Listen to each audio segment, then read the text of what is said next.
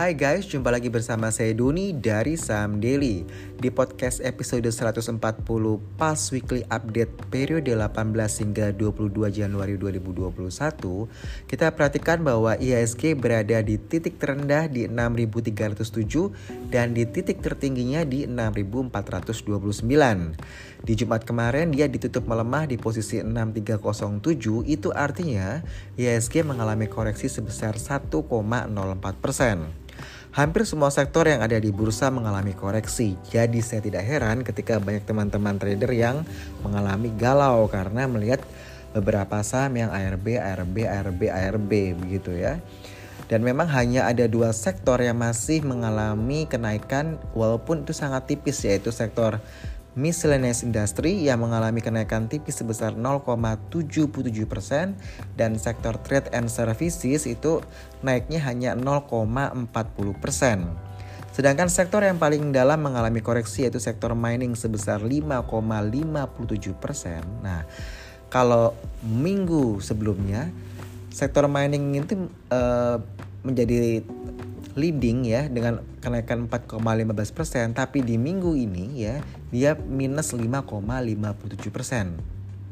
Lalu koreksi yang paling dalam juga disusul oleh sektor uh, properti dan real estate ya, dia mengalami koreksi sebesar 4,81 persen. Jadi kalau mining tadi koreksi 5,57 persen, sektor properti dan real estate ini dia koreksinya 4,81 persen. Kemudian diikuti oleh sektor agriculture yang melemah 3,60 persen. Untuk investor asing, nah ini banyak yang mengira bahwa investor asing yang melakukan profit taking. Sebenarnya kita lihat bahwa uh, di minggu kemarin itu investor asing itu masih melakukan net buy sebesar 0,7 triliun. Memang tidak sebesar minggu-minggu sebelumnya di mana uh, investor asing itu melakukan akumulasi pembelian yang cukup besar ya. Kalau kita lihat sepanjang Januari ini investor asing masih masuk ke bursa di minggu pertama Januari dia masuk 2,6 triliun, minggu kedua dia masuk 7,91 triliun, lalu minggu ketiga kemarin dia masuk 0,7 triliun. Artinya total selama 3 minggu ini di bulan Januari investor asing itu kurang lebih melakukan net buy sebanyak 11,21 triliun. Kita perhatikan secara volume perdagangan saham-saham seperti Bumi, Antam, Pura, Dewa, BRMS, BBKP, Friend, WSBP, BEX, dan Sing eh, ZINJ itu sangat besar volume yang diperdagangkan ya. Untuk saham yang menarik kita amati ada saham Saratoga Investama Sedaya Tbk dengan kode emiten SRTG.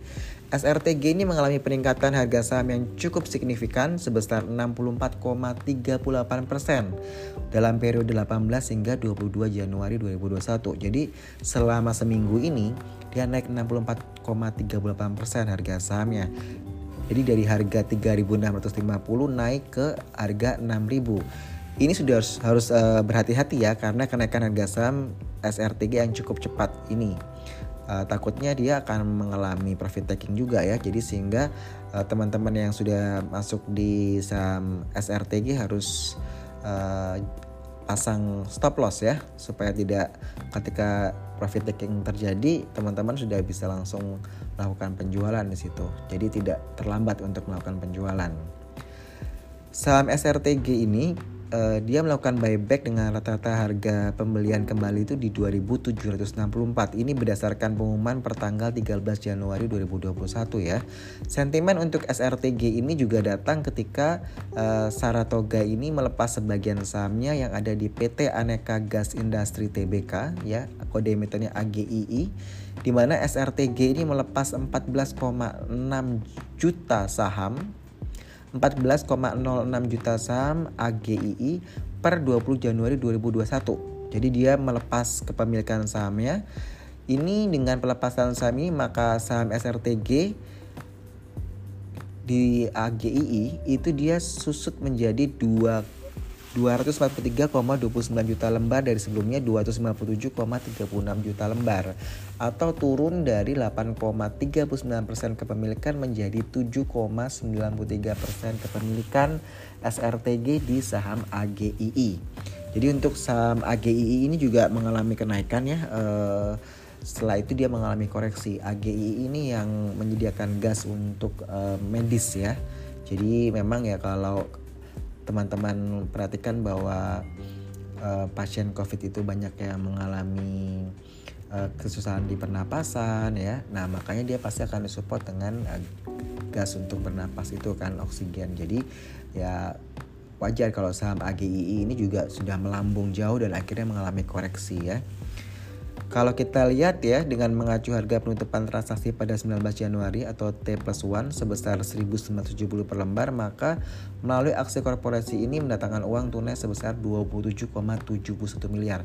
Jadi dengan dia melakukan uh, penjualan 14,06 juta saham AGI ini uh, Saratoga ini mendapatkan uang tunai sebesar 27,71 miliar. Selain saham Saratoga, kita lihat ada saham IPCC, yaitu Indonesia Kendaraan Terminal TBK, yang harga sahamnya naik dari 510 ke level harga 785 yang artinya harga saham IPCC ini naik 53,92 persen. IPCC ini di awal tahun dia melakukan layanan bongkar muat kendaraan CBU asal pabrikan Hyundai Korea Selatan. Jadi dia uh, ada sentimen di sini ya sehingga harga saham juga naik. Dan juga satu saham yang ada hubungannya dengan IPCC juga yaitu saham jasa Armada Indonesia Tbk kode emitennya adalah IPCM. Ini harga sahamnya juga naik ya sebesar 40,70%. Nah, saham IPCC dan IPCM ini mendapatkan sentimen positif dari rencana merger Pelindo yaitu terkait konsolidasi BUMN pelabuhan di mana Kementerian BUMN tengah mengkaji kemungkinan merger PT Pelindo 1, 2, 3 dan 4. Makanya harga saham IPCC dan IPCM ini mengalami kenaikan. Kita juga mengamati ya saham PT Indofarma Tbk atau INAF yang mengalami koreksi sebesar 24,07% persen dari harga 5.650 ke 4.290 dan juga saham Bank Bukopin yang melemah sebesar 24,03% persen dari harga 770 drop hingga harga 585. Lalu ada juga saham Papros TBK atau kode emitennya PEHA, PH ya, yang turun sebesar 23% dari harga 2130 ke 1640. Jadi kita perhatikan selama periode 18 hingga 22 Januari 2021 ini IHSG didominasi oleh warna merah selama tiga hari ya. Jadi koreksi ya yaitu tanggal 19, 21 dan dan 22 Januari 2021 sehingga ya itu yang saya bilang banyak orang yang galau ya karena melihat saham-saham yang ARB ARB ARB ARB gitu. Di Jumat kemarin saja kita amati ada beberapa saham yang auto reject bawah yaitu saham KF, Inaf, Antam, IRA, TINS, ADHI, WSKT dan Nikel NIKL ya. Nah, aksi profit taking ini memang masih mendominasi transaksi di bursa ya di periode 18 hingga 22 Januari 2021. Sehingga memang kita harus lebih waspada ketika melakukan trading dan boleh dibilang minggu kemarin itu kita lebih banyak posisi wait and see ya. Dan ada beberapa saham yang kita lepas karena sudah menyentuh level dari stop loss. Yang masuk uh, di DM Instagram saham daily itu adalah kenapa saham-saham farmasi mengalami RB berkali-kali? Seperti itu ya. Dan di sini kita kembali mengingatkan bahwa hal yang wajar ketika di, uh, trader itu melakukan profit taking. Karena melihat kenaikan harga saham-saham tersebut sudah mengalami kenaikan ratusan persen sehingga wajar dilakukan aksi profit taking. Uh, kita ambil contoh kita buka dulu ya. Uh, saham sebentar. Ambil KF aja lah saham KF ini harga 28 Februari 2020 itu di harga Rp580 per lembar saham. Lalu naik naik naik naik hingga ke harga 6.975 di tanggal 12 Januari 2021. Dan kemudian drop ya, drop drop drop ke harga 4.470 di tanggal 22 Januari 2021. Ini yang banyak membuat orang galau ya mengenai saham KF. Jadi dari harga 580 ke 6.975 itu dia naik 1.102 persen. Jadi dia plusnya kan 6.395 poin. Nah kalau dia drop dari harga 6.975 ke 4.470 itu cuma turun 2.505 poin. Saya ulangi ya. Dari harga 580 ke 6975. Jadi 580 ke harga 6975 itu dia naik 6395 poin atau 1102 persen. Sedangkan ketika dia drop dari harga 6.975 ke 4.470 itu dia turun 2.505 poin atau turun sebesar 35%. Jadi kalau awalnya dia cuan 1102% lalu dia turun 35% doang, ya kita bilang masih wajar sih. Karena memang ada hasil profit taking di situ. Yang jadi masalah adalah kalau kita trading ya day trading harusnya ketika kita tahu itu sudah ada pembalikan arah ya kita harusnya sudah stop loss sudah lepas begitu jangan di hold. Karena sudah rawan aksi profit taking begitu. Kalau teman-teman mungkin tidak sempat melihat di harga KF dan ke 580 masuknya, kemungkinan kan kita masuk di harga 1500, 1700 ya. Kalau kita uh, perhatikan Saham KF ini menarik perhatian trader itu ketika di sebentar tanggal 20 Juli 2020 itu dia di harga 1375. Lalu keesokan harinya dia naik ke harga 1715. Keesokan harinya lagi dia lanjut naik ke harga 2140 dan tanggal 23 Juli 2020 dia naik ke harga 2670. Ini adalah momen-momen di mana semua mata tertuju pada saham KF ya di, di kala itu ya tahun lalu. Jadi memang kita saham diri masih ke 1500-an ya, kita baru masuk saat itu. Jadi eh, bisa kita lihat bahwa penguatan dari saham KF ini ketika dia mencapai lebih dari 1000 persen, nah di situ ya sudah harus hati-hati begitu ya, jangan berharap bahwa tuh saham tuh akan naik naik naik naik. Tidak ada batasannya dia akan mengalami koreksi dia akan turun. Pasti ada momen di mana dia akan mengalami penurunan seperti itu.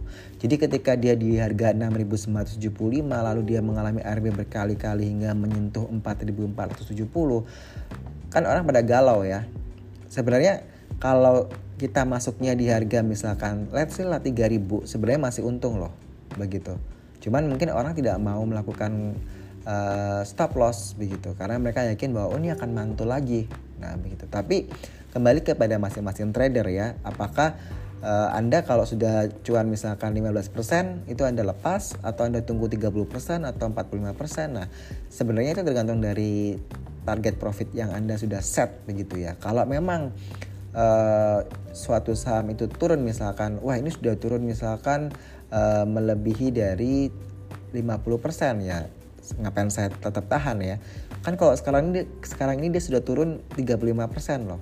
Dari posisi semula 6975 itu artinya kalau kita day trading 5% udah cut loss sebenarnya kan gitu. Jadi memang kalau ketika dia ARB dengan dana yang begitu besar retail itu susah untuk bisa jual itu kita tidak pungkiri ya. Tapi ketika KF kan beberapa hari yang ini kan dia sudah bisa eh, di trading lebih kita bisa kejar untuk melakukan penjualan sebenarnya. Tapi banyak orang yang masih berharap bahwa ah santai aja lah nanti dia bisa ke 7000 misalkan. Ya nggak masalah tapi nggak usah panik begitu. Jadi apa pun keputusan yang diambil tuh intinya bahwa kita uh, reasonable gitu ya. Kita kita paham atas pilihan-pilihan yang ada dan kita saya memilih A nih saya tidak memilih opsi D misalkan begitu. Tapi ya jangan galau begitu. Jadi uh, maksud saya bahwa kita harus tegas begitu ya. Lep, uh, cut loss cut loss atau stop loss stop loss atau kita hold begitu. Hold nanti misalkan kalau dia minus lebih dari 70% baru kita averaging down. Silahkan. Itu kan masing-masing orang punya uh, pemikiran ekspektasi ya. Kita bilang ekspektasinya berbeda-beda begitu. Tapi kalau dari kita ketika day trading ya udah kalau dia sudah mendekati makanya day trading itu kita bilang memang gerak cepat sih. Untuk saham-saham yang sudah all time high ya mau itu Antam, Ira, apa aja mention deh. Saham-saham yang udah mengalami kenaikan yang begitu tinggi. Nah ketika dia lawan profit taking ya kita memang kalau kita day trader ya ya kita harus langsung cepat gerak cepat begitu. Tidak bisa kita yang kita tinggal meeting lah kita tinggal makan lah tanpa kita perhatiin. Begitu dia longsor ambrol ya kita kalah cepat begitu ya. Jadi memang timing itu benar-benar penting begitu ya. Untuk yang day trader ya tapi kalau misalkan dia swing ya lebih santai begitu. Jadi sesuaikan juga dengan uh, alokasi waktu ya. Kalau selama ini kita bilang alokasi dana dana alokasi dana melulu. Tapi kadang-kadang orang lupa mengenai alokasi waktu. Berapa banyak waktu yang anda bisa uh, berikan untuk anda mengamati pergerakan harga saham begitu. Kalau saham-saham sudah all time high itu artinya risikonya makin tinggi untuk dilakukan profit taking. Sehingga jangan lupa pasang stop loss atau anda pasang auto order sell. Ya kan? Kalau untuk uh, teman-teman yang aplikasinya itu bisa melakukan auto order buy maupun auto order sell dipakai dong digunakan. Sehingga misalkan teman-teman mau ada meeting nih udah pasang duluan oh ini kalau saham ini uh, drop hingga posisi ini saya langsung auto sell langsung kejual begitu. Jadi nggak yang uh, khawatir berlebihan karena uh, kita sudah punya uh, planning dan kita set gitu ya. Benar-benar nggak manual begitu ya. Tapi kalau yang manual ya anda harus benar-benar perhatikan layar pergerakan harga saham itu begitu loh. Jadi keuntungannya punya aplikasi trading untuk trading yang memang bisa melakukan auto auto buy dan auto sell gitu ya. Nah untuk aplikasinya apa itu sesuaikan ya. Nanti kalau saya bilang oh, pakai sekuritas ini aplikasi ini yang paling bagus ntar dibilang saya promosi gitu. Jadi teman-teman googling aja gitu aplikasi-aplikasi mana dari sekuritas mana yang bisa melakukan auto order buy atau auto order sell ya. Terutama untuk teman-teman yang uh, masih karyawan yang nggak bisa kasih waktunya full untuk mengamati harga pergerakan saham ya. Ini penting ya. Kadang-kadang orang suka lupa begitu. Kadang-kadang ada yang aplikasinya sudah bisa auto order buy maupun auto order sell tapi nggak digunakan. Nah seperti itu. Jadi digunakanlah fasilitas yang memang diberikan oleh pihak sekuritas melalui aplikasi yang disediakan ya itu salah satu cara kita untuk eh, bisa keluar lebih cepat ketika kita tahu bahwa uh, market lagi koreksi untuk saham yang kita pegang itu begitu jadi saya ulangi lagi ya, untuk saham-saham yang sudah mengalami all time high kayak tadi KF itu kan sudah 1000% kenaikan harga sahamnya. Jadi kalau dia sudah merah dikit aja, kita yang harus melakukan pasang stop loss begitu. Jadi uh, jangan terlalu apa kita bilang ya, jangan terlalu greedy ya, jangan terlalu rakus begitu. Jadi maunya cuannya makin lebar mau ke 2000% gitu kali ya. Tapi kita harus juga uh, apa kita bilangnya kalau istilahnya tuh gini pengennya terbang ke awan ke langit tinggi gitu tapi kita lupa nginjek bumi kali ya gitu bahwa hey, kita masih di bumi ini gitu jadi harus lebih berhati-hati gitu ya sebagai seorang trader gitu ya untuk minggu depan di periode 25 hingga 29 Januari 2021 kita masih menanti kejelasan dari SWF ya untuk sektor-sektor konstruksi kita masih menunggu di situ. Sedangkan saham-saham blue chip ya memang ketika minggu ini terjadi koreksi ya orang-orang kembali lagi kepada valuasi akhirnya ya. Kalau selama ini uh, euforia wow lempar saham ini beli saham ini pasti naiknya ratusan persen nih cuan gede gitu tapi nggak siap untuk loss. Nah sehingga uh, pada galau lah pada bingung lah pada stres lah bahkan kalau kita hitung-hitung sebenarnya tetap cuan sih harusnya karena belinya kan di harga bawah kecuali anda belinya di harga atas dengan full power dana anda masuk ya itu stres sih gitu. Jadi gini uh, kita sebagai trader tuh nggak boleh yang namanya terlalu overconfident ya. Terlalu percaya diri banget. Oh ini pasar akan bullish terus. Nggak bisa gitu. Kita harus dinamis. Ngikutin uh, ini market mau ke mana sih? Ombaknya segede apa ini? Begitu. Apakah tenang-tenang aja? Apakah ombaknya uh, jadi keras jadi badai? Nah kalau kita udah tahu badai kita masih masuk ya kita hanyut dong di situ. Jadi hal-hal seperti itu yang harus kita sadari. Apalagi kalau day trader ya anda sudah tahu kan bahwa uh, fluktuatif. Lalu ketika dia merah ya anda harus siap-siap untuk bisa keluar dari market begitu. Bukan maksa untuk masuk begitu. Kalau sudah ada badai masa anda uh, maksa untuk uh, apa pergi ke laut? Kan ya bodoh kan di situ. Jadi istilahnya sorry ya saya pakai kata-kata bodoh. Itu artinya gini loh kalau ini cenderung merah nih sudah merah yang memang kita lihat wah saham ini sudah merah merah merah. Kita masih pegang itu saham. Nah itu kan jadi gimana ya? Kita bilang uh, ya itu tadi gitu. Kenapa nggak nggak pas uh, nggak pasang stop loss? Begitu kan. Jadi ya apa ya? Kita bilang oke okay, uh, hari pertama hari kedua hari ketiga nggak kejar hari hari keempat ketika dia kita ketika kita bisa masuk ah dia naik nih rebound nih uh, eh, gue sayang ah jual gitu Padahal sebenarnya itu kesempatan mungkin yang terakhir yang diberikan sebelum kita tunggu lama sebelum dia bisa rebound lagi one day. Ya kalau one day dia rebound gitu kan karena kan memang un uncertainty ya di trading saham itu memang faktor apa ketidakpastiannya itu tinggi begitu. Jadi di situ saya bilang kadang-kadang kalau kayak uh, banyak yang curhat sama saya saya bilang uh, sebenarnya kenapa nggak keluar lebih cepet ya gitu? Pasti alasannya oh saya lagi kerja nih oh saya lagi ngurusin bisnis lah inilah.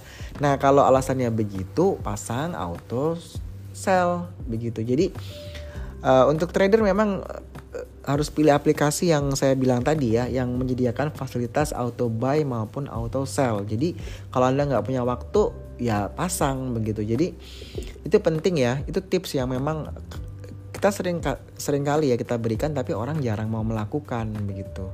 Jadi ya sayangi uang anda dan kalau bisa kalau anda dapat aplikasi yang bisa ada fasilitas auto buy or auto sell ya anda pakai begitu ya. Jadi harapannya teman-teman apa ya nggak nggak seperti orang yang galau melulu gitu. Kadang-kadang saya uh, gemes sebenarnya. Saya itu lebih gemes sebenarnya kalau lihat orang-orang yang gampang galau di trading saham. Kalau nggak kuat mental trading ya jangan trading dong jadi investor. Ya seperti itu. Jadi uh, jelas gitu loh uh, apa ya aturan mainnya gitu. Karena trading rulesnya belum dapet ya gitu. Jadi untuk untuk pemula ini saya kalau untuk pemula-pemula banget saya wajar sih teman-teman yang masih newbie yang akhirnya nyangkut karena beli di harga pucuk ya. Tapi kalau untuk yang sudah setahun dua tahun di trading saham harusnya uh, tidak galau lagi begitu ya. Jadi uh, lebih tenang dan ya itu kembali lagi gitu. Anda nggak akan apa kita bilang ya nggak akan bisa uh, bukan sukses ya saya bilang setiap orang beda-beda. Uh, gini kestabilan psikologi trading itu selalu ditunjang sama namanya trading rules, trading plan, sama money management. Ini yang uh, saya apa ya? Saya tekankan berkali-kali money management, trading rules, trading plan. Udah tiga ini ya, tiga ini kalau sebagai pemula maupun teman-teman yang udah setahun dua tahun di bursa Indonesia ya trading diikutin deh gitu soalnya kalau enggak ya itu juga kasihan sih nggak ada kemajuan nggak ada progres gitu. Sebenarnya saya kadang gemesnya tuh sorry saya curhat ya. Saya gemesnya karena uh, apa ya orang itu nggak mau realize bahwa eh ini sahamnya udah naik tinggi loh gitu loh. And and one day dia pasti akan mentok dia turun gitu. Ya nggak uptrend tuh nggak mungkin uptrend terus. Dia consolidate lalu dia turun. Begitu kan? Jadi kita harus tahu tuh kapan kita harus jual begitu karena orang bilang waduh saya nggak bisa baca apa ya uh, grafik. Saya nggak nggak tahu analisa teknikal. Sebenarnya nggak perlu jelimet jelimet saya sudah bilang berkali-kali kan mau indikator jangan terlalu banyak. Kalau udah lihat ada merah mulai tanda-tanda rawan koreksi di situ keluar deh gitu. Toh kalau anda uh, contoh ya kayak IRA ya. IRA itu ya dari 500-an lalu sampai seribu dua nah di situ teman-teman sudah melihat kan ini naiknya udah banyak loh gitu loh. Jadi kita juga nggak boleh jadi manusia yang greedy yang oh, pengennya oh terus sampai kira sampai tujuh ribu deh baru gua jual. Begitu satu saham itu mengalami koreksi kita nggak terima dengan kenyataan. Jadi kadang-kadang saya pengen tadi saya bilang ya menginjak bumi bahwa artinya bahwa uh, ya eh udah terlalu tinggi nih begitu. Jadi kan kalau ARB itu kan auto reject bawah itu minus 7% ya. Sedangkan kalau ARA bisa 25% bisa ya kan. Jadi sebenarnya kalau tiga hari ARB juga cuma 21% sih gitu loh. Jadi nggak harus panik gitu. Karena yang buat orang panik itu karena tidak siap menerima bahwa e, bursa itu koreksi maunya cuan terus. Nah, ini nih, ini prinsip dasar ya jadi psikologi trading begitu bahwa nggak uh, boleh untuk uh, apa ya mau gue begini nih. Kenyataannya market nggak begitu. Jadi ya nggak cuma urusan cinta aja ya. Kita nggak bisa menerima penolakan atau kita nggak bisa menerima patah hati tapi atau dikecewakan. Tapi di saham juga begitu gitu. Nggak semuanya itu manis begitu ya. Kalau anda dari dari November ya kan September anda masuk ketika koreksi Oktober na Oktober stagnan sorry. November naik Desember naik Januari naik terus anda pengen naik terus gitu pasti ada satu titik di mana dia jenuh gitu. Ya kan? Kita bilang overbought kalau sudah begitu ya dia turun begitu. Jadi itu suatu hal yang wajar sih. Jadi maunya saya teman-teman ya uh, ini kan karena banyak banget yang DM di Instagram saham dari banyak banget ya tanya Pak ini kenapa? Koreksi Pak kenapa ini begini? Pak ini asing begini? Pak sentimennya apa? Karena saya bilang ya nggak semua koreksi saham itu ada sentimennya. Ya kan?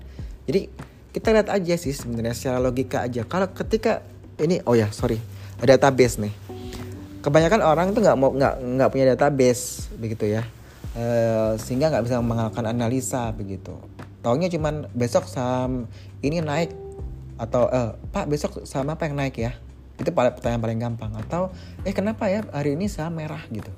Tapi mereka nggak mau melihat bahwa hey sadar nggak sih selama ini udah hijau-hijau-hijau melulu udah naiknya udah tinggi banget gitu udah all time high gitu. Jadi yang saya maksudkan di sini adalah bahwa nggak melulu cuan ya di saham itu di saham itu juga ada ruginya. Dan ya kalau lagi ribut-ribut soal apa trading saham dengan minjem duit lah di pinjaman online lah bla bla bla bla lah yang saya lebih fokusin tuh bukan di situ ya kan kalau anda udah cukup dewasa di atas 17 tahun 18 tahun ya anda sudah harus tahu bahwa uang itu bukan mainan gitu. Kalau Anda masuk di investasi saham atau trading di saham selalu ada resikonya gitu. Makalah makanya tradinglah dengan dana yang Anda anggap nyaman. Nyaman apa? Nyaman kalau uh, dana Anda itu hilang. Dalam arti Anda rugi ketika Anda trading di saham. Jadi ini penting ya buat teman-teman semua. Apa sih yang buat orang galau sebagai trader? Selain nyangkut di pucuk, harga saham makin terkoreksi yaitu tadi nggak siap untuk uh, kehilangan uang. Dan dia uh, memasukkan dana yang lebih melebihi dari tingkat kenyamanannya. Misalkan begini. Anda siap masuk trading di saham? Oh saya siap rugi di saham 10 juta. Ya tapi ketika harga saham itu turun lebih dari 10 juta istilahnya uh, ruginya makin besar ya. Jadi awalnya anda siap rugi di saham 10 juta eh ketika dia rugi 15 juta Anda masih hold itu saham. Ketika saham itu ruginya 20 juta Anda masih hold. Ketika 25 juta ruginya Anda masih hold juga. Walaupun dengan hati yang was-wasan nggak bisa tidur dan sebagainya. Itu karena Anda sudah melebihi dari kapasitas nyaman Anda rugi kalau emang siapnya rugi cuma 10 juta ya kalau bisa mendekati 10 juta udah di sell cut loss lakukan cut loss di situ. Jangan di hold ya kan? Jangan kayak menipu diri sendiri. Kita sebagai trader ya yang udah bertahun-tahun kalau memang suatu saham itu jelek kita lepas loh. Ya kan? Batasi resiko. Karena kita bilang nggak apa-apa. Karena orang suka suka jengkel sama istilah cut loss sehingga menggunakan menggunakan kata batasi resiko. Ya kan ya sama aja sih sebenarnya. Kalau cut loss ya cut loss. Kadang ada orang yang bilang e, saya nggak mau cut loss. Pokoknya saya nggak mau rugi aja. Nah ini kalau sudah saya kalau udah ketemu orang yang bilang saya nggak mau rugi di saham saya cuma bilang oke okay, uh, eh, berapa lama ya dia bisa bertahan di saham? Itu pertanyaan dalam diri saya yang kadang saya bilang nggak mungkin lah. Mau trader sehebat apa pun nama besar seperti apa pun pasti pernah ngalamin namanya rugi. Dan kita belajar dari kerugian kita itu gitu loh saya aja pernah rugi sampai satu mobil ya kan senilai satu mobil tapi saya nggak give up gitu loh. Kita learn dari uh, our past mistake gitu kan.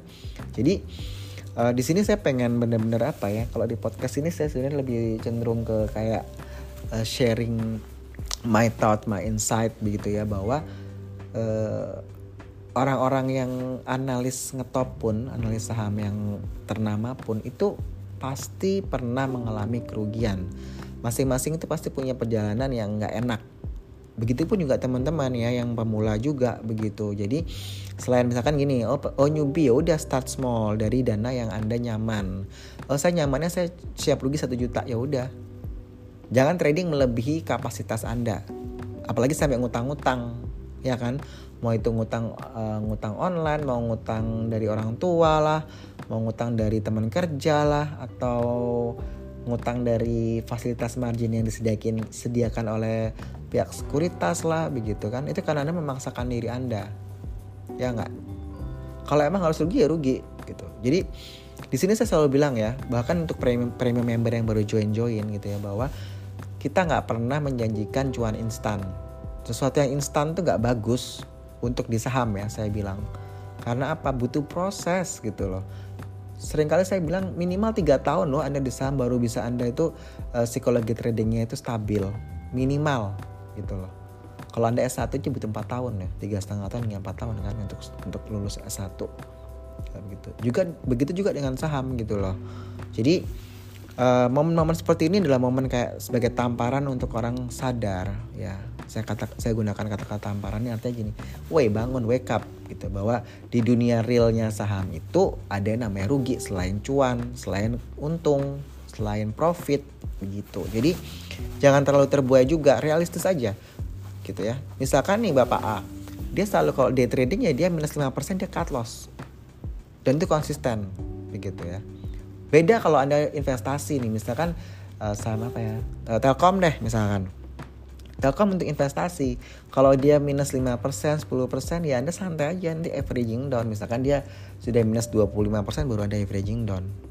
Karena Anda yakin dengan kinerja Telkom. Ya enggak tapi kalau Anda masuk ke saham-saham gorengan misalkan saham ABCDE yang Anda nggak apal itu kinerjanya apa, jualnya produk apa, tapi karena dia lagi tren, Anda ikut-ikutan terus Anda nyangkut. Anda hold sampai lama sampai akhirnya sampai harga sahamnya di level harga 50 terus tidur setahun dua tahun. Nyesel nggak? Nyesel. Nyesek nyesek. Jadi yang saya maksudkan bahwa eh, kadang-kadang orang bilang e, saya nggak mau cut loss. Tapi saya selalu tanya e, ini settingannya apa ya sahamnya ini? Itu yang selalu tanya, saya tanyakan settingannya dulu beli saham ini untuk apa? At least dia punya trading rules gitu ya bahwa oh ini saham ini untuk investasi atau untuk day trade untuk trading. Tradingnya untuk trading apa? Day trading kah? Swing trading kah? Ya kan following trend atau semi investing apa settingannya gitu. Jadi uh, kenapa saya selalu balik tanya seperti itu? Saya pengen tahu ini orang sebenarnya ngerti nggak sih? Paham nggak kenapa dia dulu beli saham ini? Beli saham ini itu target price-nya berapa mau dijualnya? Kalau dia cut loss cut loss mau di harga berapa? Gitu. Jadi itu penting ya. Makanya saya bilang uh, alokasi dana trading rules trading plan gitu. Stick aja di situ. Kalau anda stick di situ anda nggak jadi trader yang galau begitu ya. Ntar nih episodenya gue kasih nama trader galau kali ya. Jadi uh, banyak yang tanya juga untuk tanggal 25 hingga 29 Januari bagaimana strateginya? Karena kita bilang tadi ya bahwa masih rawan dengan namanya aksi profit taking begitu. Kalau memang masih dilanjut ya, mereka masih melakukan big fund kan dananya besar ya. Mereka masih melakukan aksi profit taking gitu. Ya kita jangan terlalu cepat masuk ke market dong ketika sedang terjadi koreksi seperti itu gitu ya. Kita lebih pakai strategi yang namanya riding the wave. Apa sih riding the wave itu? Intinya begini, ketika momennya mendukung, sub, sangat mensupport secara volume, frekuensi, price, kita bilang FVP biasanya ya FVP-nya bagus nih. Nah, itu maksudnya volume frekuensi price. Dari pagi sampai siang sesi 2 lanjut lagi masih positif, masih dia uh, gelombangnya masih uh, bagus begitu ya. Ya kita uh, masuk kita riding the wave begitu. Tapi langsung kita jual hari itu juga. Karena kita lebih ke fast trading sebenarnya ya ketika kita tahu bahwa oh ini momennya bagus nih. Jadi uh, FVP-nya lagi bagus gitu ya. Kalau kita bilang FVP FVP itu artinya lagi uh, support lagi di support lagi bagus gitu ya. Lagi benar-benar uh, tennya itu ke hijau hijau yang strong begitu. Anda masuk lah setelah anda keluar begitu. Karena kita masih tahu bahwa uh, all time high itu kan sekian ratus persen gitu. Jadi kalau kita masuk secara cepat kita keluar secara cepat begitu itu lebih aman dibandingkan kita uh, apa ya kita bilang ya udahlah nanti aja ya udahlah nanti aja. Akhirnya anda nyangkut gitu. Jadi intinya ya untuk yang teman-teman yang suka galau trader galau yang saya mau maksudin bahwa nggak bisa anda cuman uh, ngikutin orang atau ngikutin tren tapi anda nggak sadar bahwa anda harus punya apa kita bilang ya kayak benteng untuk untuk melindungi anda gitu loh. Ya trading plan tadi. Kalau harus stop loss ya stop loss. Harus cut loss ya cut loss. Begitu ya. Jadi nggak boleh kayak denial. Denial tuh kayak apa ya? Kayak uh, menyangkal bahwa ah ini nggak apa-apa ah. Walaupun ada sudah posisi rugi gede gitu loh. Ya jadi saya ngomong kayak gini karena emang saya gemes sebenarnya. Gemes kalau kan kita tuh kalau di saham daily ya di Instagram tuh banyak banget yang nanya. Ya bisa ribuan ya. Jadi pertanyaan hampir sama yang di minggu minggu minggu ini nih gitu ya. Minggu minggu koreksi itu. Ini saya nyangkut di sini saya nyangkut di sini saya nggak mau cut loss saya nggak mau cut loss. Nah itu udah gemas saya kayaknya ini gimana sih ceritanya? Nggak mau loss tapi uh, galau gitu ya. Kalau nggak mau cut loss ya tunggu dong. Misalkan anda tahu tuh kayak tadi ya oh saham KF itu udah naik 1000% dia baru minus 35% kenapa anda galau ya? Anda tunggu aja sampai dia minus 500% terus anda freaking down deh. Ya dong. Anda tutup deh itu aplikasi nggak usah dilihat. Kalau anda niatnya ntar dia bakalan rebound loh pak gitu. Ya anda mau tunggu lama? Ya monggo. Tapi jangan nyesel ketika anda uang anda nyangkut ya dana anda nyangkut ada saham-saham lain yang seharusnya anda bisa masuk dan cuan di situ. Ya nggak? Shifting itu loh. Itu yang kita maksud. Anda bisa jual memang jual rugi sih tapi kita pindah ke saham lain yang lagi bagus begitu. Jadi kita bisa dapat untung dari situ. Jadi sebenarnya sih landasannya begini ya bahwa eh, nggak uh, cinta mati terhadap satu saham apalagi kalau saham itu fundamentalnya nggak bagus. Loh pak ini trading apa investing sih? Saya bilang ya even trading sekalipun ya kita itu porsi untuk gorengan itu paling cuma satu persen dua persen.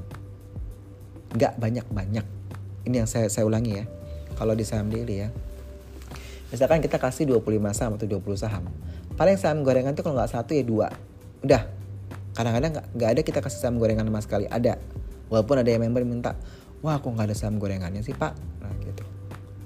Karena kita uh, mainnya lebih mo uh, moderat ya kita bilang. Kita nggak seagresif orang-orang yang apa uh, berani ambil risiko terlalu tinggi. Karena kita lebih berhati-hati, lebih prudent dalam melakukan trading begitu. Tapi kalau memang teman-teman merasa ah nggak cocok ah, saya lebih yang agresif, yang gerak cepat terus gitu ya, yang saham-saham di harga seribu deh, gue maunya yang cepat cuan gitu. Ya bisa aja, tapi kalau dari pengalaman kita sih ya anda menang sekali dua kali ruginya 10 kali. Betul nggak? Kalau kita nggak mau nipu ya. Kalau kita uh, kadang orang bilang winning rate-nya berapa sih? Winning rate-nya berapa? Kadang saya suka berpikir kok dia mikirnya winning rate ya? Dia nggak mikirin uh, payoff ratio-nya berapa ya? Gitu. Karena saya selalu uh, kalau masih sabar sih kita jawab ya. Tapi kadang-kadang kalau yang udah kayak gitu tuh kayak are you sure? Gitu. Kalau ada orang yang winning rate-nya selalu bagus gitu gitu. Kalau teman-teman lihat ya di saham daily itu kita nggak hijau terus loh ada merahnya loh. Lihat di telegram di channel telegram kita saham daily kalau merah ya merah gitu. Ya kan? Kalau kita ambil top 5 kita hijau melulu tapi ada kalanya tuh top 5 kita tuh merah loh. Kita nggak mau nipu gitu. Karena emang that's the real gitu ya. Bahkan premium member kalau itu bisa protes tuh karena di telegram kita tuh ada juga premium member yang masuk situ gitu. Atau di instagram kita pasti banyak tuh yang protes gitu. Tapi nggak ada karena mereka tahu. Kalau kondisinya merah ya merah gitu. Iya kan? Nggak selamanya itu kita tuh bisa ya apa green hijau melulu gitu. Enggak gitu. Jadi yang saya mau sampaikan bahwa untuk teman-teman bapak-bapak ibu-ibu mas-mas mbak-mbak di sini ya jangan cuma mikir cuannya aja gitu ada yang namanya risiko rugi di situ udah tahu kan di saham itu high risk high return mau konsepnya dibolak-balik gimana gimana kita tahu bahwa dia bisa potensi kasih keuntungan lebih besar daripada deposito, reksadana, obligasi lah. Tapi ada resikonya juga ya.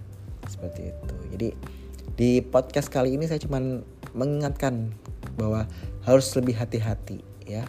Harus uh, membumi gitu. Jangan jadi orang yang uh, serakah begitu. Enggak, enggak apa ya.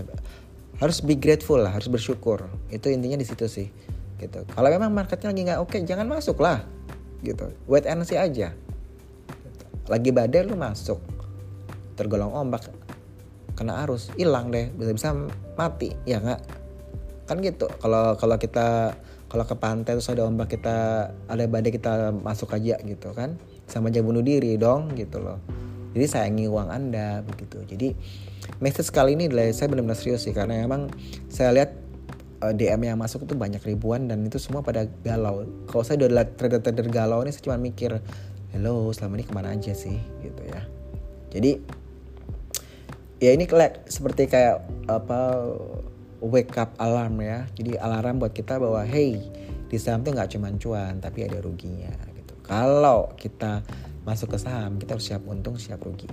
Itu ya. Dan ingat ya saya ulangi lagi money management trading rules trading plan ya atau kita bilang ATT itu penting. Kalau nggak dikuasai bener-bener nggak konsisten situ. Kadang-kadang orang ikut training ya udah tahu tuh sebenarnya itu penting tapi ketika prakteknya hilang semua. Yang ada adalah uh, egois diri sendiri yang pengen gue cuan nih cuan ini. Apalagi kalau udah pamer portofolio betul nggak? Eh hari ini gue cuan segini hari ini gue cuan segini. Ketika bisa kerugi dia mau pamer nggak? Aduh gue malu nih gitu. Nggak usah santai aja gitu. Lo profile aja gitu. Jadi nggak ada kok yang nyuruh anda untuk uh, pamer portofolio betul nggak? Nggak ada. Nggak ada juga orang yang uh, nyuruh anda untuk pamer ketika anda rugi nggak ada yang tahu portofolio kita ya diri kita sendiri. Yang tahu batas kemampuan uh, batas penerimaan kita rugi sekian ya kita sendiri. Yang tahu dana kita berapa di sana ya kita sendiri. Begitu. Jadi uh, sometimes noise ya kadang-kadang kita uh, pengen pamer lah pengen apa. Ya sekali waktu boleh. Itu kayak appreciate eh gue berhasil cuan nih sekian gitu ya. Tapi lebih baik lagi kalau kita uh, lebih dewasa ya. Dalam arti ya udahlah duit duit gue gitu kan gue cuan gue rugi ya gue tanggung sendiri not to blame other person jadi ini yang kadang-kadang orang itu ketika rugi dia nyalahin A B C D E gitu. Oh ini salah bandarnya nih. Oh ini salah pemberitaan lah. Oh ini salah teman gue yang ngomong ke gue begini. Oh ini salah grup rekomendasi gue yang salah. Tapi dia lupa dirinya sendiri yang memencet melakukan penjualan maupun pembelian ya enggak ketika dia untung wah gua hebat nih nah itu dah guanya gua. Akunya nih akunya. Nah seperti itu. Jadi yang saya pengen maksudkan di sini adalah benar-benar kita masuk ke pasar saham kita tahu resikonya tinggi. Ada rugi di situ pasti. Anda nggak rugi aja udah bagus di saham ya. Saya ulangi lagi teman-teman tidak rugi di, ketika melakukan trading di saham itu sudah bagus banget ya. Seperti itu. Jadi eh, jangan galau-galau terus ya. Jadi bahwa kita juga harus melihat. Ini biasanya kan Februari suka koreksi ya. Jadi eh, ya biasa aja gitu. Bahwa dari November Desember udah naik-naik terus. Ya kalau Januari akhir-akhirnya ada profit taking itu wajar ya. Jadi nggak usah panik-panik banget gitu. Boleh kita evaluasi portofolio kita ada sama apa aja? Mana yang harus kita buang mana yang harus kita keep? Gitu. Itu itu penting tuh jadi ketika terjadi koreksi seperti ini kita review lagi portfolio balancing kita. Kita lihat lagi nih mana nih yang harusnya saya profit taking mana yang saya harus uh, lakukan uh, pembelian. Ya nggak? Kan ada saham-saham yang wah ini koreksinya dalam banget nih ini, ini momentum untuk kita buy. Boleh boleh. Yang penting anda buat alokasi dananya di step-step berapa di titik support berapa gitu ya anda harus masuk jadi ya tahu lah ya strateginya seperti itu. Oke ini saya bicara panjang lebar semoga teman-teman nggak bosen juga. Bukan saya marahin sih bukan. Cuman uh, sebagai tamparan buat kita semua bahwa uh, menyadarkan kita bahwa di saham itu nggak semuanya cuan terus tapi juga ada namanya rugi. Oke okay? don't be denial person tapi kita harus accept kita harus menerima bahwa di saham itu naik dan turun itu hal yang wajar. Yang penting kita selalu membatasi risiko ketika itu terjadi koreksi. Dan kita tahu kapan harus melakukan profit taking ketika target profit tersentuh. Oke? Okay? saya Doni dari Saham Daily out